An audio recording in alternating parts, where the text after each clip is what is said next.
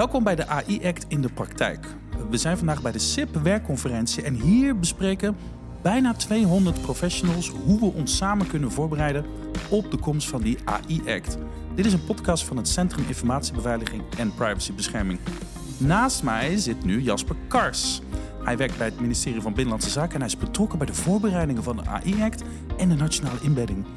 En het leuke is, Jasper, jij, hebt, jij kijkt vooral naar de ethische kant van het verhaal. Dus de ethische kant van AI. Help me een beetje, wat, waar, kijk jij dan allemaal naar? Nou ja, de, de ethische kant van AI, dat kan uh, in eerste instantie best wel wat abstract klinken. Hè? Want ethiek gaat over waarden, gaat over uh, nou ja, wat, wat is in een, in een bepaalde situatie het uh, juiste om te doen. Maar ik denk dat AI het juist heel concreet maakt. Dat gaat namelijk over de vraag: uh, vinden wij het in een concrete situatie verantwoord om een bepaald algoritme of een AI-systeem in te zetten? En wat betekent dat voor nou ja, individuele burgers, organisaties? En op die manier kijken wij ook eh, als BZK naar AI en algoritmes. Wij willen dat het op een verantwoorde manier wordt ingebed en ingezet in de samenleving. En dat vraagt best wel veel. Dat is echt een uh, specifiek aandachtspunt waar wij als BZK ons sterk voor maken. Ook omdat wij als BZK gaan over grondrechten en de grondwet. En daar zit ook een heel nou ja, duidelijk een ethische component aan. En wat voor waarden praat je dan over? Dat gaat over non-discriminatie. Dat Zeker. gaat misschien over privacy. Zeker. Respect. Ja, zeker. Uh, wij hebben die uh, in onze werkagenda uh, waardegedreven digitalisering hebben we die wat explicieter gemaakt. Maar je noemt er al twee die denk ik nou ja, ontzettend belangrijk zijn.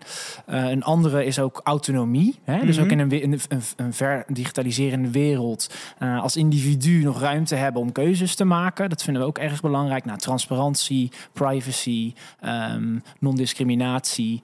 Uh, dat zijn hele belangrijke publieke waarden die wij echt moeten borgen in deze digitale wereld. Want ja, we zijn het denk ik nu allemaal met elkaar over eens dat technologie niet meer waar, niet waardevrij is. Ik wil zeggen niet meer, maar het is niet waardevrij. dat is het nooit geweest. Ja. En we zijn nu pas eigenlijk daarom zeg ik, uh, uh, het is echt een inzicht wat wij hebben opgedaan. En uh, ja, ik, vind, ik vind dat, daar, daar maak ik me, nou, daar, daar zet ik me voor in in mijn professionele leven. Dat, dat is het grappige van deze conferentie. Hè? Die, die AI-act komt op ons af. We weten natuurlijk voor een belangrijk deel wat daarin komt te staan. Brussel heeft daar natuurlijk van alles over gezegd. In Nederland moeten we daar nog over praten. Tegelijkertijd heb je AI zelf, wat natuurlijk de komende 15, 20 jaar natuurlijk hoe dat zich gaat ontwikkelen. Geen mens die het weet. Uh, dus het, het, gaat gepaard met een hoop vraagtekens. Uh, maar als je je focust op de ethiek en wat, het maakt ons eigenlijk niet zo heel veel uit hoe, wat we toetsen. Als we het alleen maar toetsen op de ethische kant, dan zitten we wel safe en dan kan het zich ontwikkelen wat, ze, wat, het, wat het wil. Als het daaraan voldoet, dan zitten we goed. Is dat een beetje waar je dan heen neigt? Want het lost wel een hoop op. Nou, ik denk. Um dan, dan isoleer je denk ik ethiek net iets te veel. Hè? Mm -hmm. Kijk, ethiek is een belangrijke randvoorwaarde en daar moet, hè, dus je moet echt het is echt heel belangrijk dat je als organisatie uh, let op dat je uh, bij de inzet van een AI-systeem oog hebt voor uh, nou, die publieke waarden waar we het hebben, de, de ethische kant. Maar aan de andere kant moet je ook, als jij een algoritme wil inzetten, weten dat het bijvoorbeeld veilig is. Dat het, hè, dat het doet wat het ook echt wat belooft te doen. Kun je zeggen dat is ook ethiek. Maar het is voor mij hè, het is een, een breed scala aan, aan verschillende aspecten waar je op moet letten. En ethiek is daar een hele belangrijke van. Um, en het komt overal terug. Dus in dat opzicht is het misschien ook wel uh, de belangrijkste randvoorwaarde. Dat je het, het juiste doet. Hè? Maar dat, ja, dat is in, uh, in, in de praktische zin soms nog best wel lastig. Zeker als het een heel technisch vraagstuk betreft. Ja, want het is natuurlijk ook wel weer lastig om precies te formuleren. Wat is dan precies uh, respect voor privacy, non-discriminatie, menselijke autonomie... vertaald naar een hele praktische AI-systeem. En hoe toets je dan of het inderdaad menselijke auto. Dat is lijkt me toch best wel een. Uh, dat is ook wel een beetje een tricky verhaal. Ja, daar sla je ook de spijker op zijn kop. Dat is een uitdaging. Kijk, en daarvoor hebben wij uh, ook in Europa, denk ik, een belangrijke rol. We hebben een. Europa heeft een sterk, laten we zeggen, mensenrecht of grondrechten gedreven aanpak bij digitalisering. Dat zie je nu ook weer terug bij de AI-act. En wat daarin belangrijk is, is dat je um, de wat meer hoog over normen, dat je die ook concreet maakt in standaarden en die zo uniform mogelijk opstelt, zodat je in Nederland, maar hopelijk ook in heel Europa, maar laten we even op Nederland focussen, dat je in Nederland ook weet als organisatie welke standaarden moet ik volgen om ook ethisch het juiste te doen? Ontslaat dat je van, uh, als organisatie van het voeren van het ethische gesprek? Nee. Maar het helpt wel heel veel mensen in de uitvoering bijvoorbeeld, die concreet echt te maken krijgen met dit soort vraagstukken, om dan ook uh, nou ja, het juiste te doen. En als je nou even, om even de rijkwijde een beetje te duiden, AI binnen de Nederlandse overheid alleen al. Hoe groot is dat? Waar zit dat en waar gaat dat allemaal terechtkomen in die toekomst? Ja, in de, in de toekomst, uh, als we uh, de Wetenschappelijke Raad voor het Regeringsbeleid mogen geloven, uh, en dat vinden wij een, een rapport waar, waar we van zeggen dat volgen we echt uh, opgave AI, gaan we uit van een systeemtechnologie. Dus dat is een technologie die domeinoverstijgend is en impact heeft op alle facetten van de samenleving. En dat is een enorme technologie. Dat is vergelijkbaar met de, de stoommachine, met elektriciteit, met, met het schrift een, zo'n grote impact, ja, dus durf ik wel te zeggen, verwacht ik dat AI gaat hebben op hoe we met elkaar communiceren, hoe we uh, werken, hoe we uh, leren, hoe we communiceren echt. Ah, dus dat geldt niet alleen voor de overheid, dat geldt eigenlijk voor ons allemaal. Voor de hele We samenleving. er allemaal wat mee. Maar als overheid hebben we een speciale rol om ervoor te zorgen dat zo'n uh, transitie, uh, dat dat op een waardegedreven manier uh, kan plaatsvinden. Op verantwoorde manier niet alleen ontwikkeld, gebruikt, maar ook ja, ingebed raakt in de samenleving. Hm. En, en jouw vraag over meer concreet, waar zien we nu al AI bij de overheid? Of in, in, het, in het publieke domein, de publieke sector? Ik denk een heel mooi uh, hoopvolgevend voorbeeld is bijvoorbeeld in het zorgdomein, waar AI al helpt bij het detecteren van bijvoorbeeld kanker. Um, en dan is het een assistent van de professional. Dat is een, denk ik een heel mooi voorbeeld. Aan de andere kant zie je uh, nou, het in, in, allerlei toepassingen. Kijk, uh, vandaag alleen al, ik zat te denken, wat, wat voor een AI heb ik gebruikt om hier alleen al naartoe te komen naar Putten? Dan heb ik, dan heb ik in AI of dat heb ik niet ingezet, maar ik word, uh, AI wordt gebruikt om uh, te kiezen welk nummer ik luister, welk muzieknummer ik luister, ja. uh, welke route ik hier naartoe krijg. nou ja, en, en als in mijn dagelijkse gebruik zou je bijvoorbeeld ook naar generatieve AI daaraan kunnen toevoegen. Hè? Dus in dat opzicht, het is overal al. Hm, die generatieve AI. Het is een jaar geleden dat ChatGPT is gelanceerd. Ja. Generatieve AI. Oftewel, je gooit er een kwartje in en er komt van alles uit. En je kan het overal toepassen. In de muziek, uh, in de kunst. Maar ook om beleidsplannen misschien te maken. Of om een ontwerp te maken voor je. Uh, iedereen kan er van alles mee doen. Uh, in hoeverre is dit iets waar die AI-act iets mee moet? Ja. Wat, wat, wat, wat, wat, wat, wat, wat, wat betekent dat dan? Nou kijk, op dit moment, en daarom uh, wil ik niet te veel vooruitlopen, maar op dit moment vindt er een discussie plaats tussen lidstaten die inderdaad gaat over de vraag hoe foundation models, dat zijn de onderliggende modellen waar ook veel van die grote taalmodellen zoals ChatGPT op gebaseerd zijn, hoe die gereguleerd moeten worden.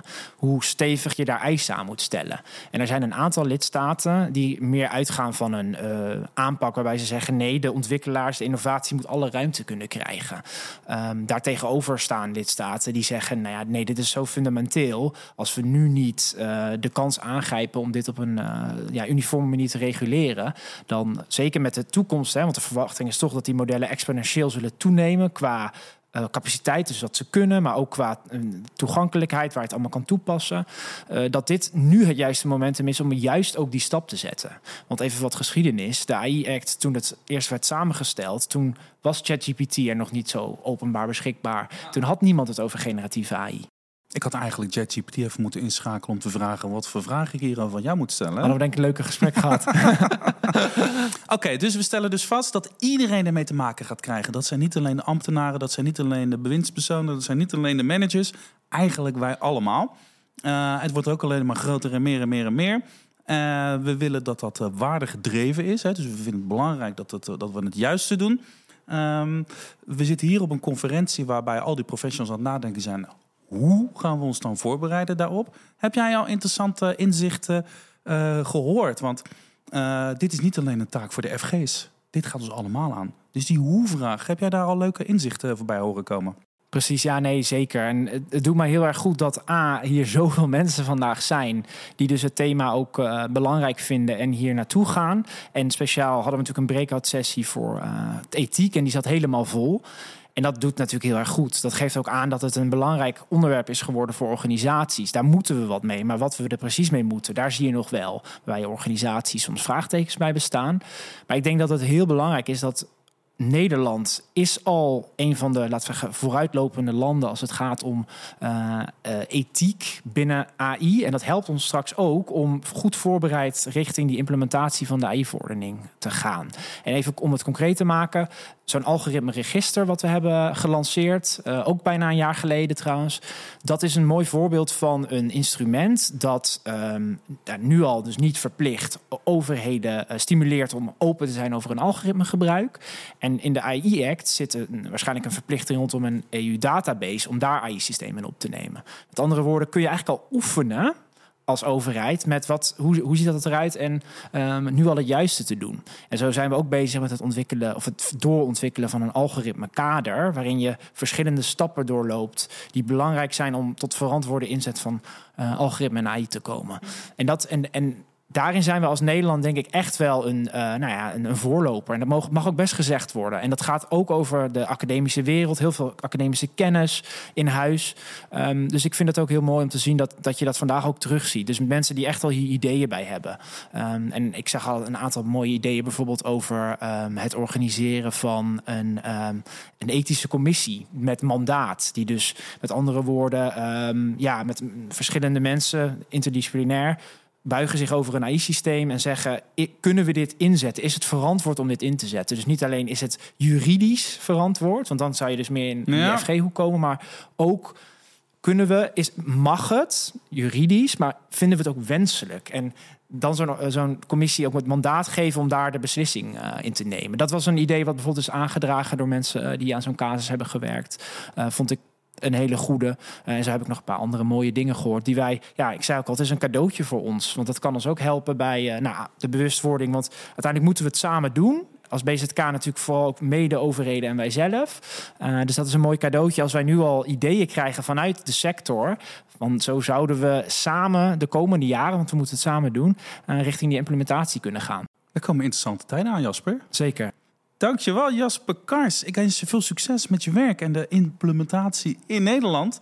Ik ben heel erg benieuwd. Um, en je kan ook de andere afleveringen terugluisteren via www.zip-overheid.nl. Dankjewel. Dank.